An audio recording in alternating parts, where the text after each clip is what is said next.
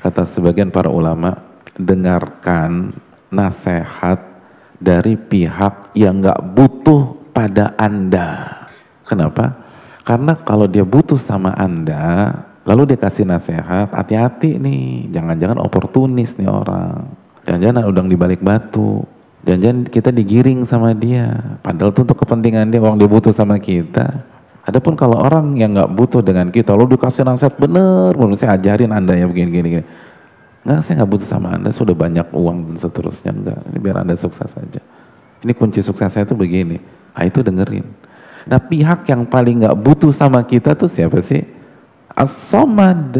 Allah subhanahu wa ta'ala. Allahus Samad. Yang nggak butuh sama siapa pun mau diambil alhamdulillah buat anda nggak dipakai juga nggak ada masalah Allah nggak butuh kita kok Allah nggak butuh kita man yartadda minkum an dinihi fasawfa ya'tillahu biqaumin yuhibbuhum wa yuhibbuna barang siapa yang murtad jangan kan nolak hadis ini murtad sekalian apa kata Allah dalam surat Al-Maidah ini? Allah ganti dia dengan kaum yang lain. Allah sayang sama kaum itu, Allah cinta dengan kaum itu, dan mereka cinta kepada Allah. Faman sya'a yu'min wa man sya'a yakfur. Barang siapa yang ingin beriman, monggo. Ya mau kafir juga monggo, nggak ada masalah. Nah itu kalau kasih nasihat didengerin, dia nggak butuh sama kita. Berarti itu benar untuk kebaikan kita tuh.